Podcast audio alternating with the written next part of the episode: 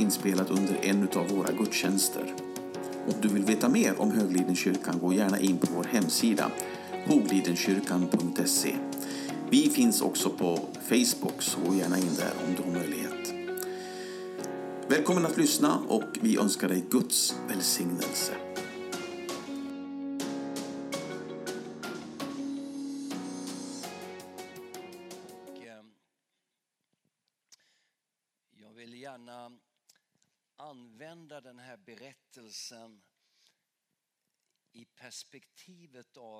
Jag tror att den här berättelsen gör några oerhört viktiga profetiska utpekande. Eh, det är ju så att många av de här berättelserna som vi har i Gamla Testamentet är ju inte bara fantastiska berättelser utan de bär med sig en profetisk dimension. Eh, så anknyter till exempel Jesus till berättelsen om Jona i den stora fiskens buk så är det ju inte bara det att han säger att det är ett Guds mirakel utan han knyter an till det profetiska utpekandet. Han säger så som Jonas tre dagar och tre nätter var i fiskens buk så ska människosonen vara i jordens sköte. Och, och med det blir det plötsligt en ny dimension över berättelsen. Det finns ett profetiskt utpekande. Berättelsen om Jona pekar emot Jesu död och uppståndelse. Många hade säkert bara läst den berättelsen tidigare och fascinerats av att Gud kunde göra ett sånt under. Att en stor fisk kunde finnas där som slukade Jonas och sedan spotta upp honom på löfteslandets stränder. Jag tror den berättelsen bär en dimension till i sig. Först så är det ju berättelsen som så om en olydig profet som flyr löfteslandet, kom ut på ett stormande hav men hur Gud sedan hjälper honom tillbaka och upprättar honom. Det är en bild på Jesu uppståndelse från de döda men jag tror faktiskt att det är en bild på det judiska folket. Och jag har använt den eh, liknelsen vid flera tillfällen. Jonas kommer ur sin kallelse, bort på Medelhavet och olyckan skylls på honom och han är på väg att gå under. Men Gud räddar honom och så kommer han tillbaka till sitt ursprung och så upprättas han, precis som det judiska folket. När de kom ur kallelsen så kom de ut i folkhavet och det stormande folkhavet skyller olyckorna på judarna och de är på väg att gå under. Men Gud räddar dem och i ändens tid kommer de tillbaka och upprättas och kommer in i kallelsen. På det sättet tror jag det finns flera berättelser i Gamla Testamentet som bär en profetisk dimension i sig. Till exempel Noa, eh, denna, denna berättelse om katastrofen. Men Jesus använde också den i det profetiska och säger så som det var på Noas tid så ska det vara i människosonens dag. Och så finns det ett profetiskt utpekande. Den berättelse som jag nu ska dela med er här idag, här ikväll, tror jag också har ett profetiskt, ett profetiskt perspektiv som jag själv tycker jag blivit häpen över. Men vi kan börja med att gå till första Mosebok. Jag ska tala om Abraham. Och vi går till första Moseboken här, det tolfte kapitlet. Och, ehm, och så läser vi då första versen. Och Herren sa till Abraham, gå ut ur ditt land och från din släkt och din fars hus och bege dig till det land som jag ska visa dig. Där ska jag göra dig till ett stort folk och jag ska välsigna dig. Jag ska göra ditt namn stort och du ska bli en välsignelse. Jag ska välsigna dem som välsignar dig och jag ska förbanna den som förbannar dig. och i dig skall alla släkten på jorden bli välsignade. Amen. Det är ett bibelord som vi använder väldigt ofta när vi undervisar om Israel. För det är här på något sätt Israels historia börjar. Men eh, jag, jag var lite nyfiken på kronologin här. Vilket årtal föddes Abraham utifrån Adams skapelse? Och Bibeln är väldigt exakt Eh, i, i, i de första släktleden så kan vi veta precis hur gammal var Adam när han blev pappa och fick sin son och hur gammal var sonen när han sen blev pappa och fick sin son och så vidare och så vidare. Och då kommer vi fram till att Abraham, han är 20 generationen efter Adam.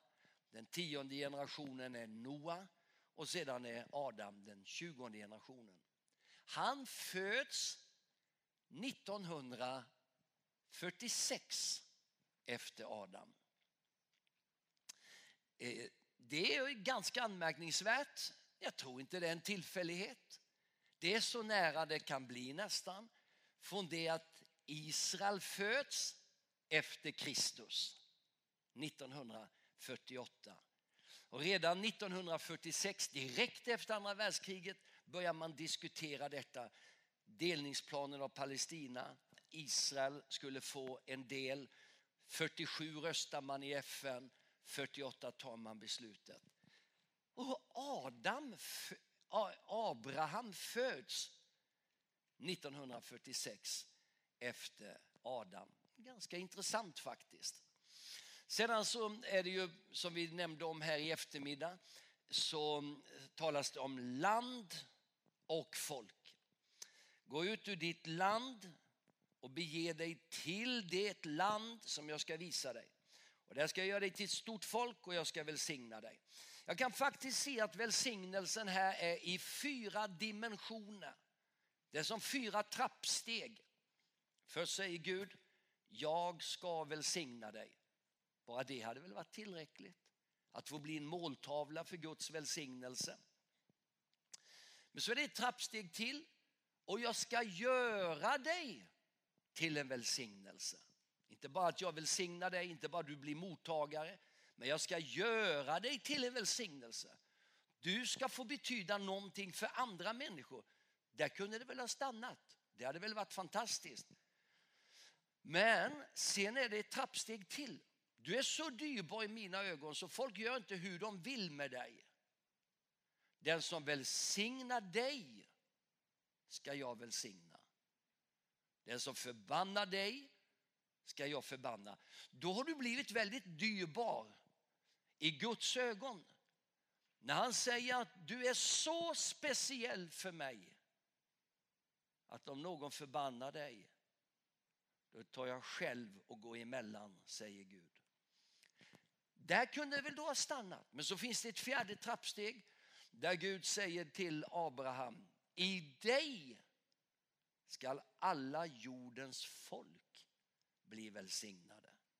Då är det nästan som en tsunamivåg som går över alla begränsningar och sveper över hela världen när Gud talar om vilken välsignelse han ska göra Abraham till. Mina kära vänner, sitter ni bra nu? Nu ska jag tala om någonting för er som nästan kan få er att ramla av stolen här faktiskt. I Galaterbrevet står det att den välsignelse som gavs till Abraham har i Kristus kommit dig till del. Är du glad för det? Kan du nicka lite grann då? Lite till kan du nicka lite. Tack. Ja men det är väl fantastiskt. I Kristus har den kommit dig till del. Här står det alltså att du ska utmärka dig. Du blir så välsignad att du kommer att utmärka dig. Det står på något annat ställe att du ska bli som stjärnorna på himlen. Men så står det på ett annat ställe. Du ska bli så som sanden på havets strand. Det är två vitt skilda saker. Stjärnorna lyser Och stjärnorna strålar och så ska du bli. Du ska lysa, du ska stråla, du ska ge vägledning. Och på det sättet har det judiska folket både rent fysiskt och andligt blivit så som stjärnorna för mänskligheten. De gav oss de tio budorden, de gav oss profeterna och det var bland dem Jesus föddes, världens frälsare. Som stjärnorna som strålar. Men du ska också bli som sanden. Någonting som folk trampar på.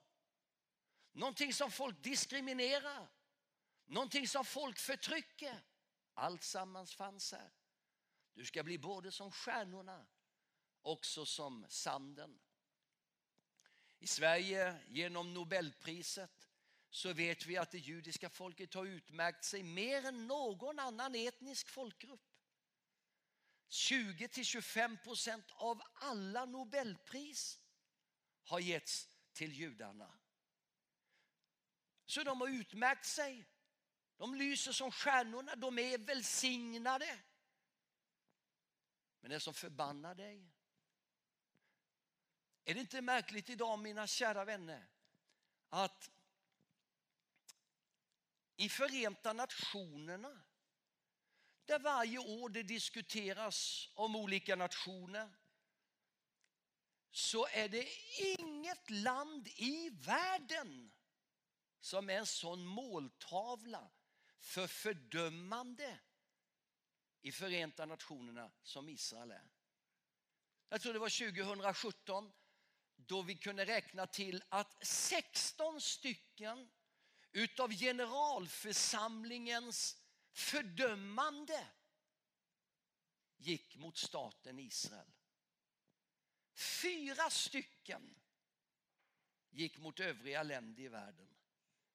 Länder där man kan stena en kvinna till döds för att hon har begått äktenskapsbrott. Där man kan hugga handen av en tjuv.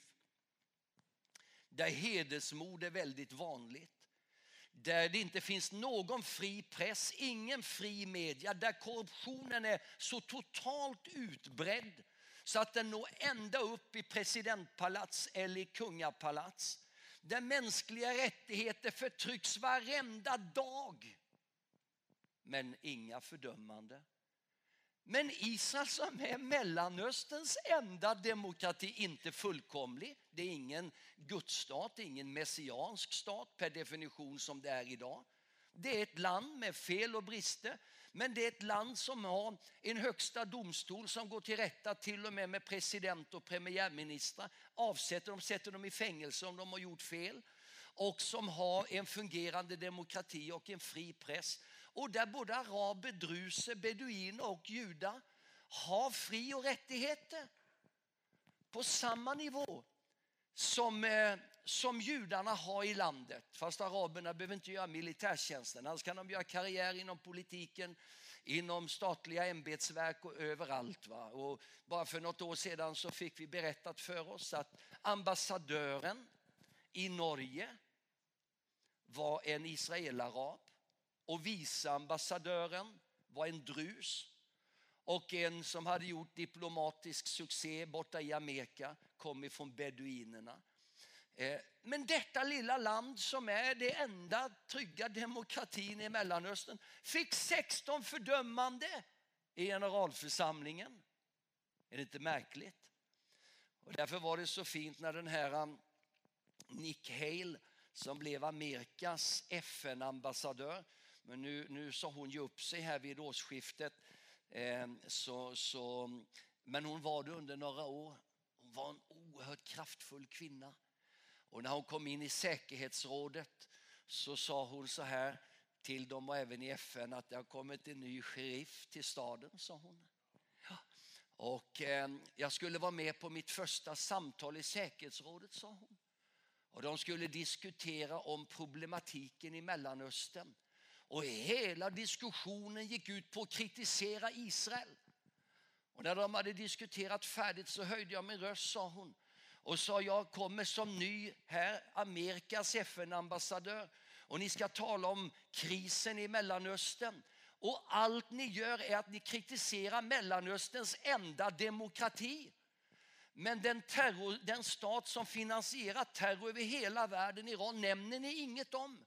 Och inbördeskriget i Syrien och dessa grupper i Gaza och Hizbollah. Nej, sa hon, det har kommit en ny sheriff till staden. Och jag accepterar inte detta, sa hon. Halleluja. Vilken duktig kvinna.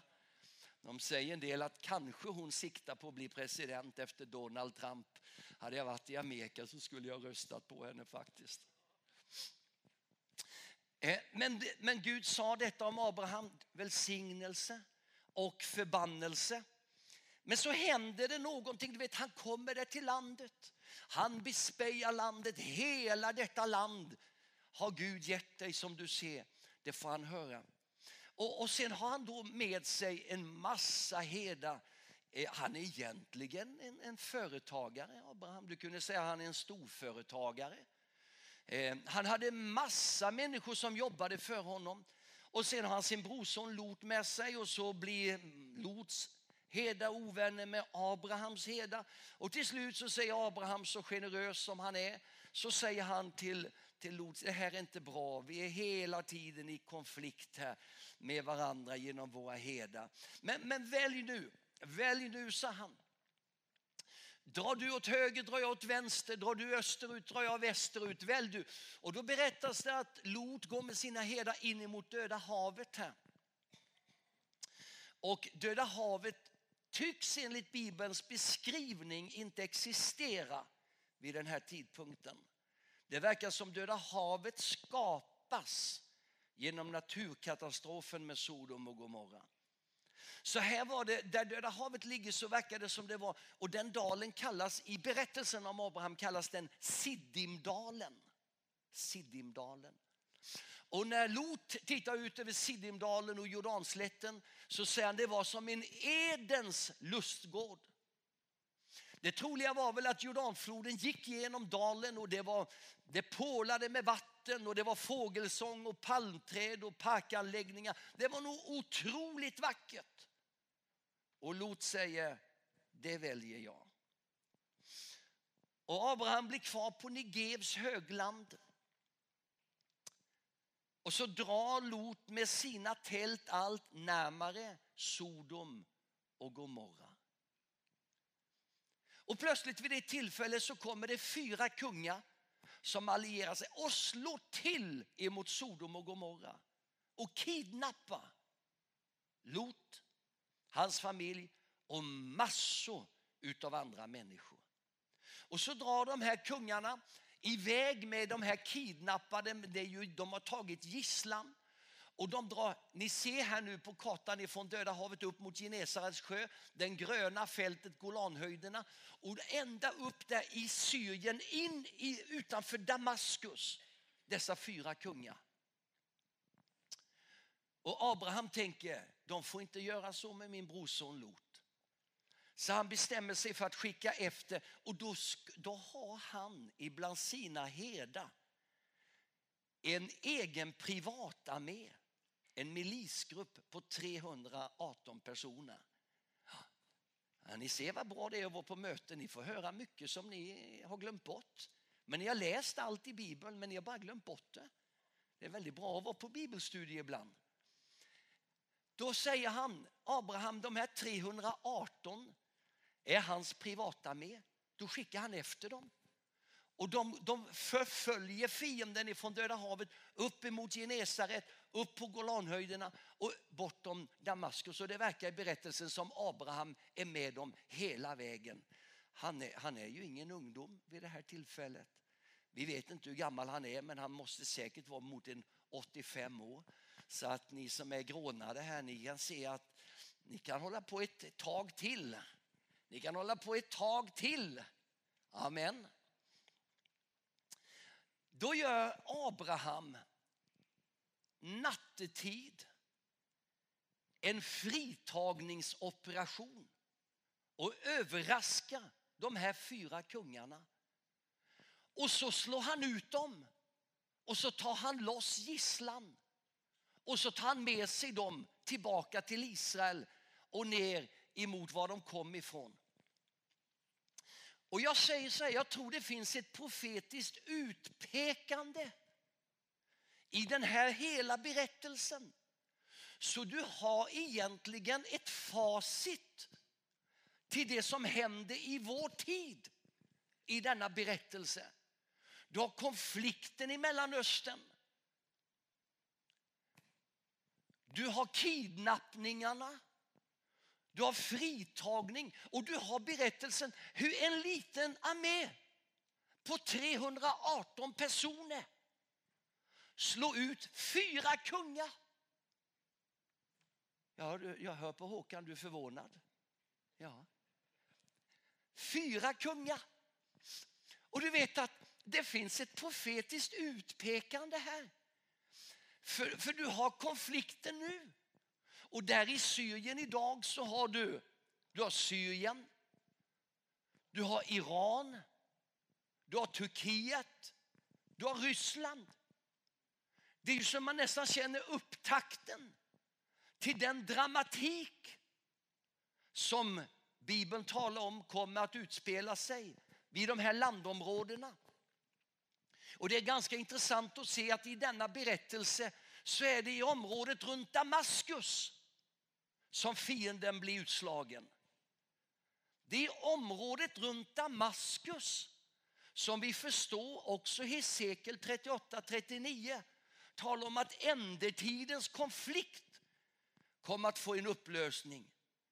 För det är vid Israels berg i norr som den sista dramatiken kommer att utspela sig. Och där är det då en liten armé. Den är ju, alltså tänk nu fyra kungar och han slår ut dem genom ett överallt. Han visar koordination, precision och effektivitet i den lilla armén. Jag minns när Gulfkriget var eh, början på 90-talet då Saddam Hussein hotade med att skicka skuddmissiler över Israel så var det en svensk generalmajor som blev intervjuad i tidningen Expressen där man frågade om Israels militära styrka. Och då säger den svenska generalmajoren som vi bedömer det ifrån eh, underrättelseverksamhet och deras militära styrka så tror vi att Israel har den fjärde starkaste militärmakten i världen. Ett litet land som Abraham 318 men som var så starka att de kunde slå ut fyra kungar genom strategin och effektiviteten. Jag tror att denna berättelse i Abraham pekar ut någonting profetiskt för vår tid. Konflikt kommer att avgöras i Syrien, runt Damaskus och Israels lilla armé kommer att klara sig i drabbningen med de stora hökarna borta i Syrien. Om så självaste Ryssland och Putin kommer med all sin kraft så möter de sin överman i Israel. Inte därför att Israel i sig själv må hända är så starkt men därför att det står i sekel 38 och 39 på den dagen säger Herren ska jag ge luft åt min vrede. Ja, och så ska han döma nationer som vill tillintetgöra Israel. Vi ska komma ihåg en sak att det står här den som förbannar dig skall jag förbanna. Att vara i förbund med Gud är något oerhört starkt. Och vi är det utifrån ett andligt plan så är ju vi i förbund med Gud. Genom Jesu blod är vi i det nya förbundet. Men vi talade ju om här i eftermiddag att Gud har inte annullerat sina planer med Israel.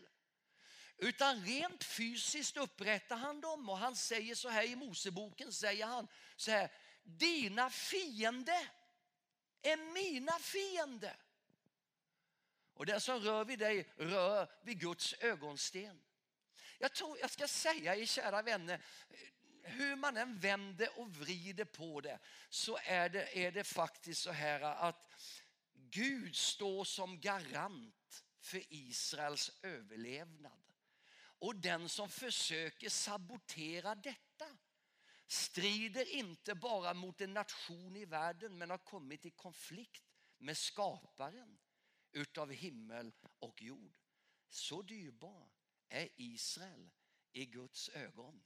Halleluja. Så fyra kungar.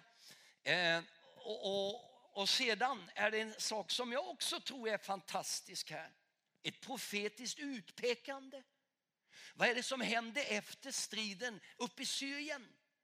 När han tar då segerbytet med sig.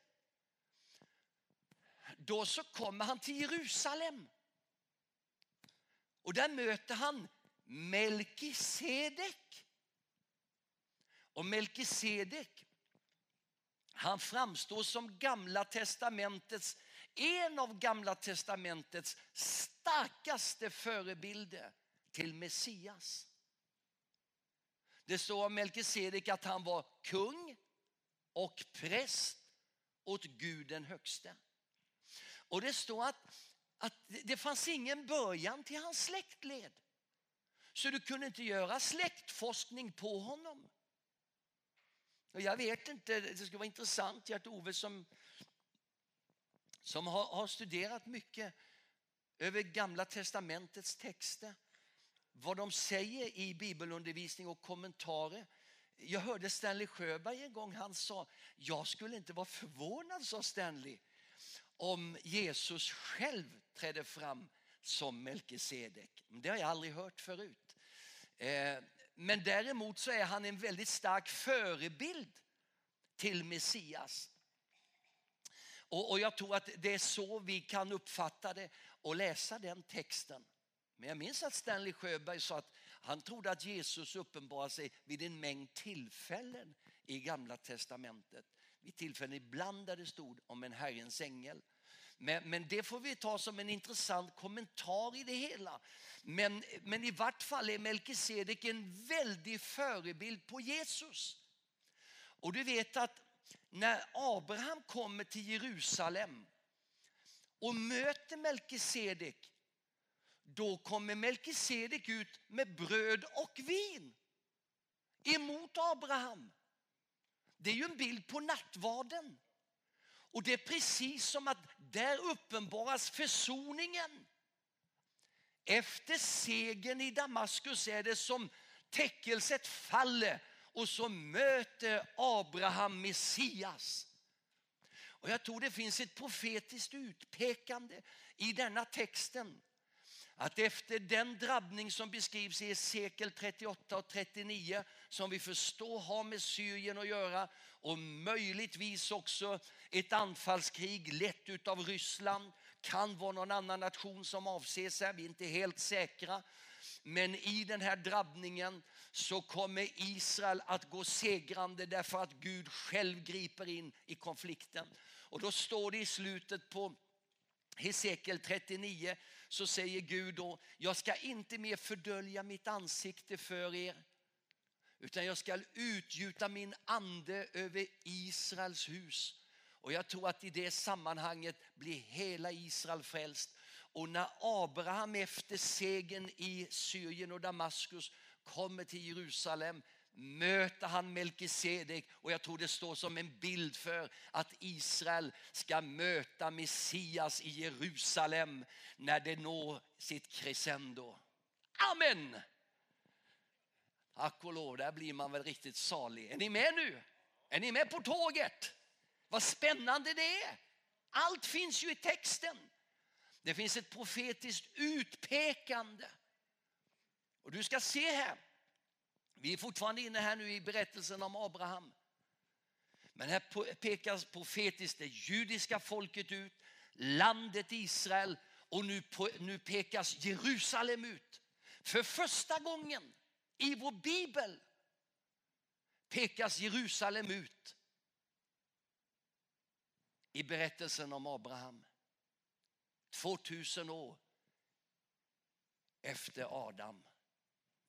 2000 år efter Kristus, där det har böljat fram och tillbaka, så pekas på nytt Jerusalem ut.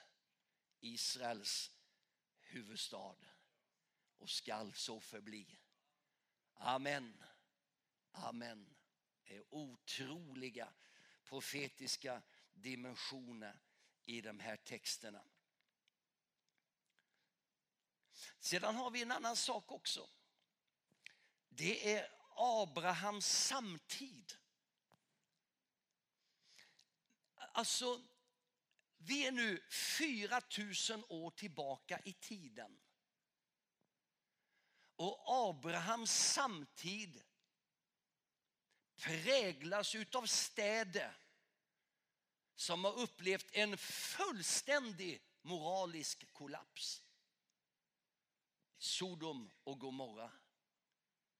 Om det hade varit någon annanstans i världen på 2000-talet kunde vi ha förstått det, men det är 4000 år sedan. En våldsbejakade sexualitet där det tycks vara utan straffskala när det gäller våldtäkter. Och till och med när änglarna är på väg in i staden för att frita Lot och hans familj så är det en sån moralisk kollaps att man ska ge sig på änglarna. Det finns ingen respekt för något heligt. Gudsfruktan saknas totalt. Och läser man berättelsen så ser man att det var inte bara de vuxna männen utan de hade med sig ungdomarna. Det står alla män, både unga och gamla. Så någonstans hade man blivit så avtrubbad. Och, och, jag vet inte om det här stämmer som jag nu säger, men jag har ju åkt förbi den här platsen så många gånger. När jag har haft mina grupper, vi åkte från Jerusalem ner till Döda havet och förbi där man tror Sodom och Gomorra låg i den södra delen av Jordanfloden. Och det finns ett berg där som kallas Sodoms berg. Och så, och så färdas man då ner hit till Röda havet. Och Det gör att vi många gånger samtalar om den här berättelsen i våra bussar. Och Jag tror själv att det var så här. När det står så här, ropet från Sodom och Gomorra har nått upp till Gud. Då tror jag faktiskt att det var så vanligt med våldtäkter på barn. Så pedofilin var allmänt accepterad. Och det fanns inget rättsväsende som skyddade barnen när de blev utsatta. Och när pojkarna och flickorna grät och tårarna rann för deras kinder och de ropade finns det ingen så fanns inget skydd. Ropet har nått upp till Gud, står det. Och det står att Gud var så förvånad så han skickade änglar på uppdrag för att se om det verkligen förhöll sig så som ropen antydde. Det är en mycket märklig berättelse, Gert-Ove. Man tycker också att Gud, han visste i himlen, han såg men han skickar änglar på uppdrag för att se på nära håll om det verkligen förhöll sig så som det antyddes i de här ropen. Man kan anta det när det står att också de unga männen var med. Det var någonting som hade blivit avtrubbat. Och även eh, om inte jag kan gå in på hela den här berättelsen för tidens skull nu så, så står det ju att Gud omstörtar de här städerna. Och det kan ju tycka då det är förfärligt. Men jag vill bara säga utifrån det perspektiv som jag ser de här texterna. I allt Guds handlande handlar Gud utifrån kärlek. Hur ska man då kunna förklara detta? Men du kan ju tänka dig själv, skulle det här blivit en norm att det som var vardag i Sodom och Gomorra hade spritt sig så som en cancertumör i hela människokroppen. Att man inte hade haft skydd emot utsatthet när det når de grövsta. Det var av kärlek som Gud satte stopp för detta. Och även om vi har svårt att förstå det nu så kommer vi förstå det en gång. Därför att i allt Gud gör handlar han utifrån kärlek och vad som i det långa loppet ändå är bäst för människan. Även om det kan vara svårt att förstå så mycket som händer. Så tror jag. nu kommer då änglarna in i Sodom och Gomorra. Och de säger till Lot, samla ihop din familj och fly för ditt livs skull och se dig inte tillbaka. Då menar Morgan att han, att han skämtade. Och, och då har en del predikanter lagt en växel på det att ja, han kanske skämtade lite mycket så man visste inte när man skulle ta honom på allvar. Men, men jag läste för en tid sedan den här boken Jesus kommer som Levi Petrus skrev ehm, efter en serie predikningar som han höll 28 år gammal 1912 ni som är äldre, ni har haft det där häftet. För det häftet fanns i varenda pingsthem. Och pappa och mamma hade det och jag fick det utav dem. Så jag läste, men där, där skriver Levi Petrus här, jag tror att vi ibland har beskyllt Lot lite i onödan. Det, det står också att han var en gudfruktig man som led i det sammanhang han fanns. Precis som du lider när du ser att gränserna flyttas hela tiden och, och, och, och man inte längre vet vad som är rätt och fel och svart eller vitt så lever vi i en sådan tid där gudfruktiga människor plågas i sitt inre. Därför att det är en liknande moralisk kollaps. Och jag tycker det är alldeles otroligt att i denna gamla berättelse, 4000 år gammal, pekar den ut om Jerusalem, om judarna, om landet, om Messias, om konflikten uppe i Syrien. Men den pekar också ut vår samtid idag. Det är ju så här den ser ut, eller hur? Och det är vid den tidpunkten som änglarna går in i en fritagningsoperation. Och i denna fritagningsoperation då så, så vill inte mågarna följa med, då är det Lot, Lots hustru och döttrarna. Och då säger änglarna till Lot så här. Skynda dig härifrån bort till Soar eller vad det var de, de skulle fly någonstans. Och då säger Lot att jag är ju gammal, jag vet inte om jag orkar fly så, så snabbt ända dit. Och så får han då någon annan plats som han får fly Och då säger änglarna så här.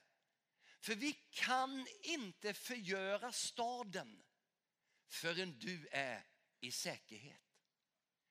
Eh, vet du, jag tror att på något sätt, för att Abraham står som en bild på judarna. Det står att Lot var en gudfruktig och rättfärdig man, men han står inte som en bild på judarna. Så jag föreställer mig att han kan vara en bild på församlingen som lever i ett syndigt samhälle.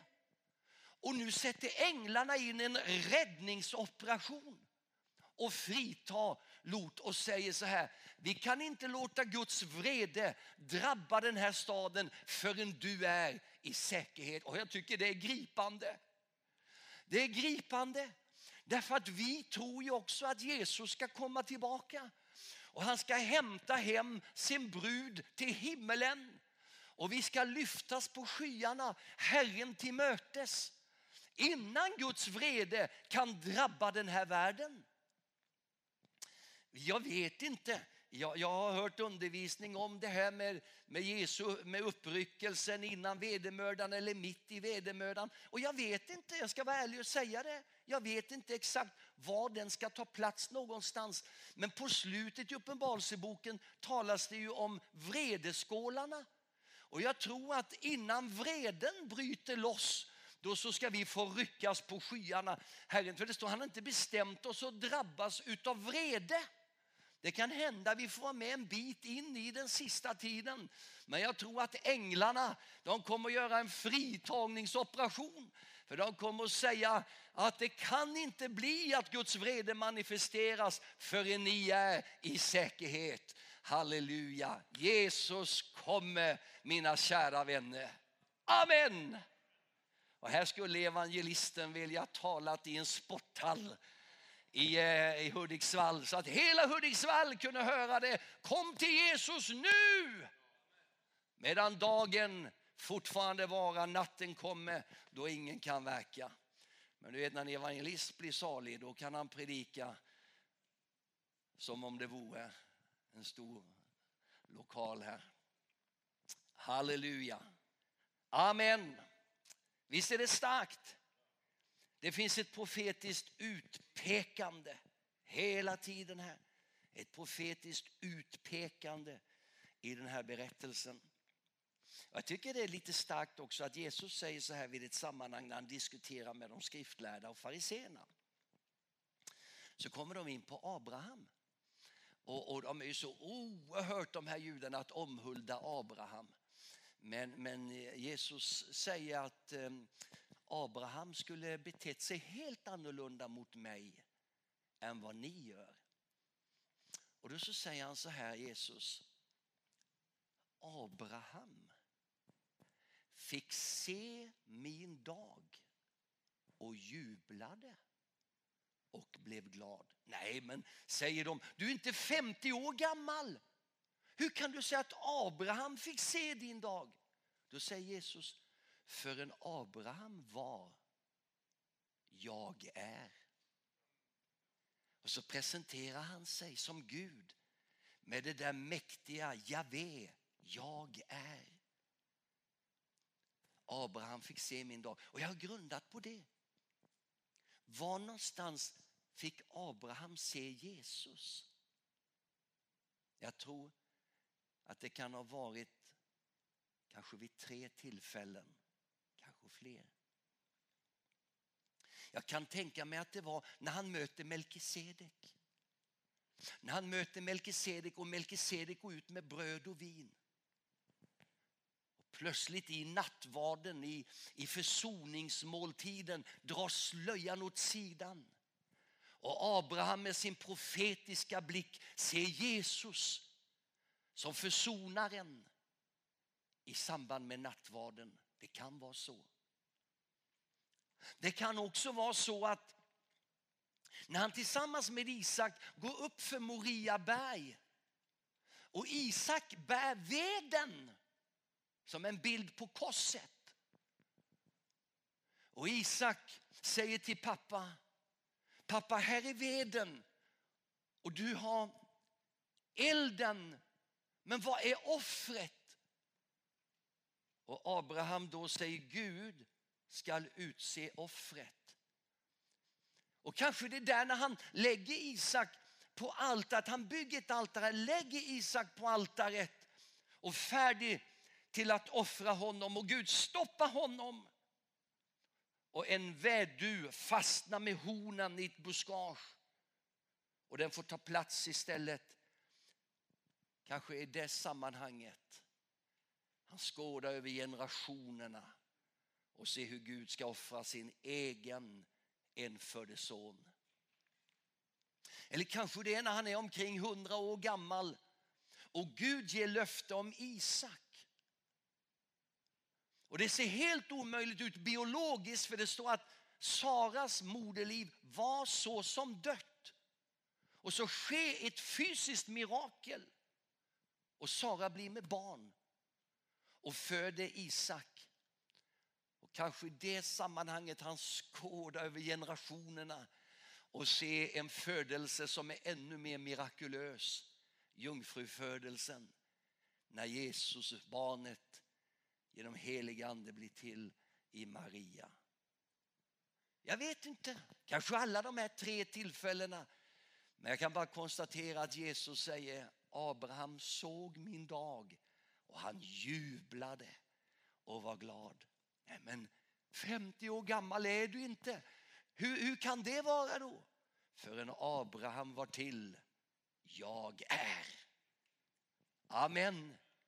Det profetiska utpekandet. Och jag är så imponerad utav detta profetiska utpekande. Och här plötsligt så kommer Moria berg, det vi idag kallar för Tempelberget, kommer i fokus för första gången i Bibeln. Här har vi allt sammans finns i berättelsen om Abraham.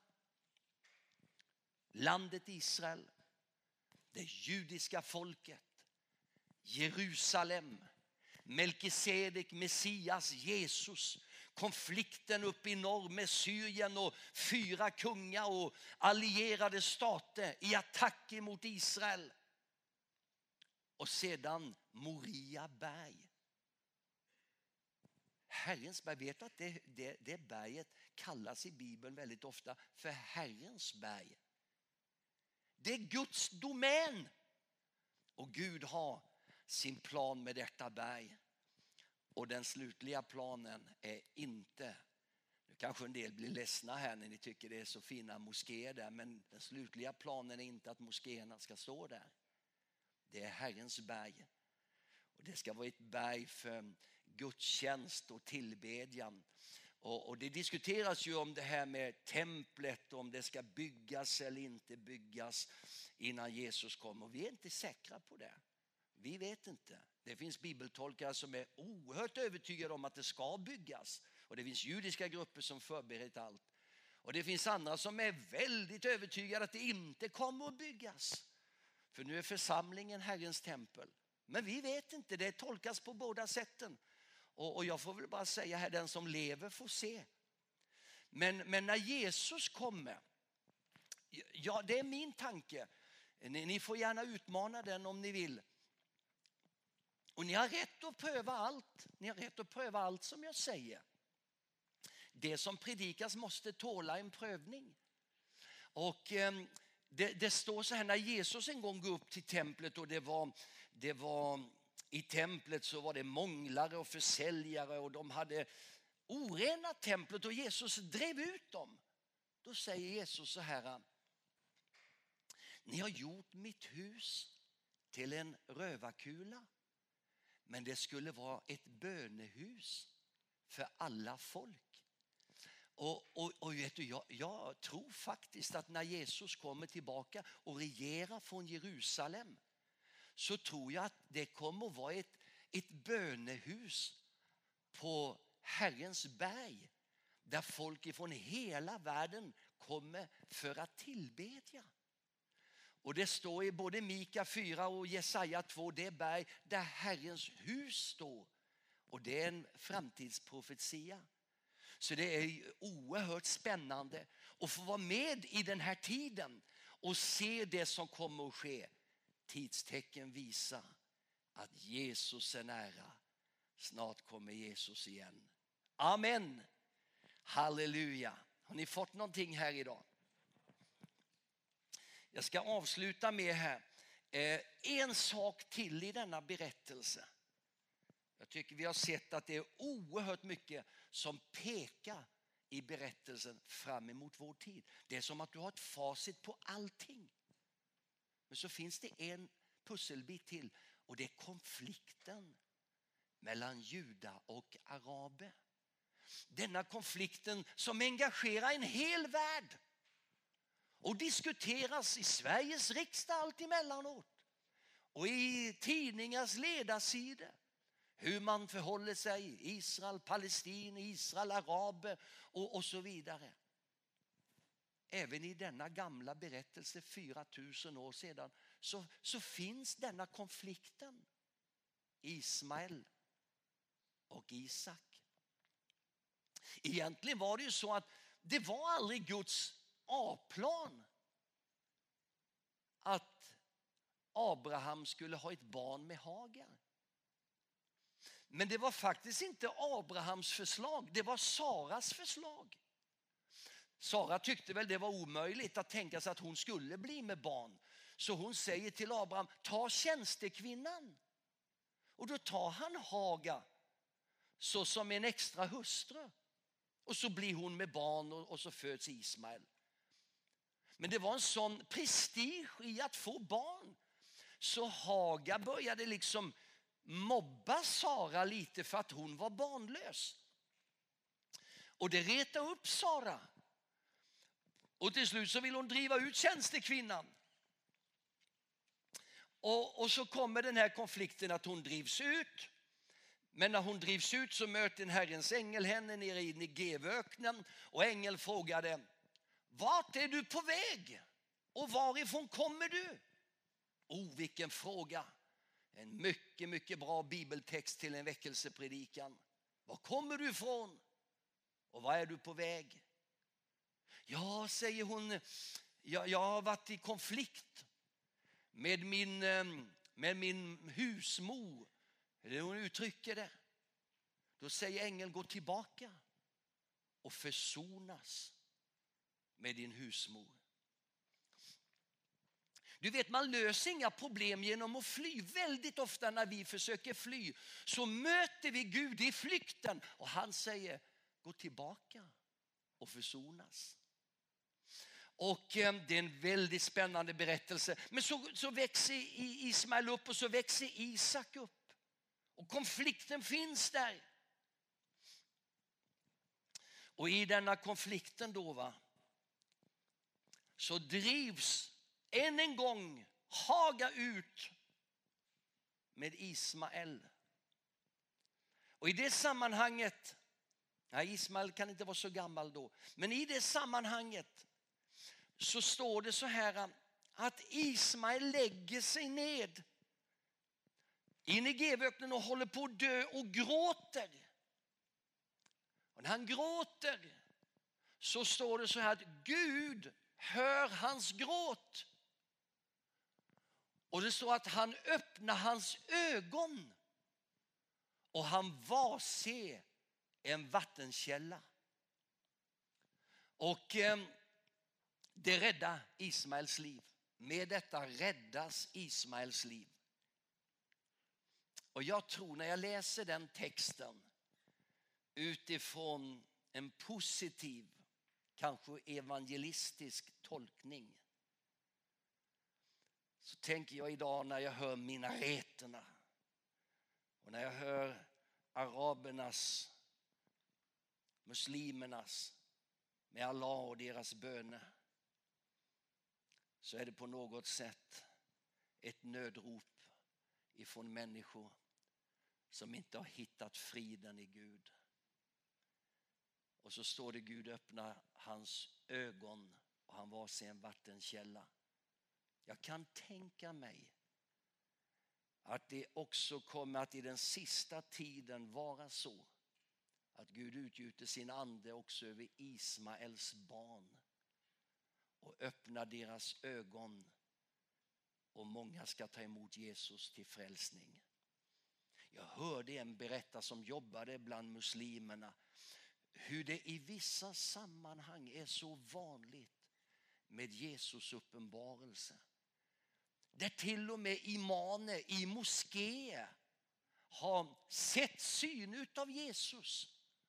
Och hur det i vissa delar, till exempel i Etiopien där det är mycket muslimer, kallas för Jesus moské. När hela samhällen har blivit konvertering ifrån islam till Jesus tro. En känd missionär ifrån EFS har berättat om detta. Gud ska ju utgjuta sin ande över allt kött. Det finns tydligen ingen, ingen som politiskt sett kan lösa konflikten mellan palestinier och judar. Nu säger ju Donald Trump att han ska komma med the deal of the century. Och ingen vet riktigt vad han kommer att pressa på dem men många menar att han har dåliga förutsättningar för att lyckas men en del tror att han kommer att pressa Israel också efter nu att han har gett sådana eftergifter till Israel. Jag är inte säker på att han kommer att lyckas. Men jag tror att den här berättelsen om Ismael, hans ögon öppnades, han varsåg en vattenkälla, kan bära i sig ett budskap att också många muslimer ska upptäcka Jesus i ändetidens väckelse. Amen. Allt sammans finns här i denna berättelsen ett profetiskt utpekande om Israel, vår tid, konflikterna och det som hände. Amen. Tack ska ni ha. Gud välsigna er.